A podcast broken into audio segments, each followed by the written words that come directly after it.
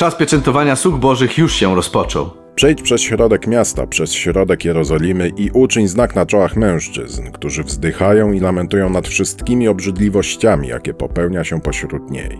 Jest to znak na przednim płacie czołowym. To tam Duch Święty chce odbić Boże prawo, czyli charakter Chrystusa. Jest to najważniejsza część Twojego ciała. Dlatego Salomon napisał: Strzeż twego serca z całą pilnością, bo z niego tryska życie. Gdy jest mowa o sercu w Biblii, to mówimy o ośrodku myśli i uczuć, czyli właśnie o przednim płacie czołowym.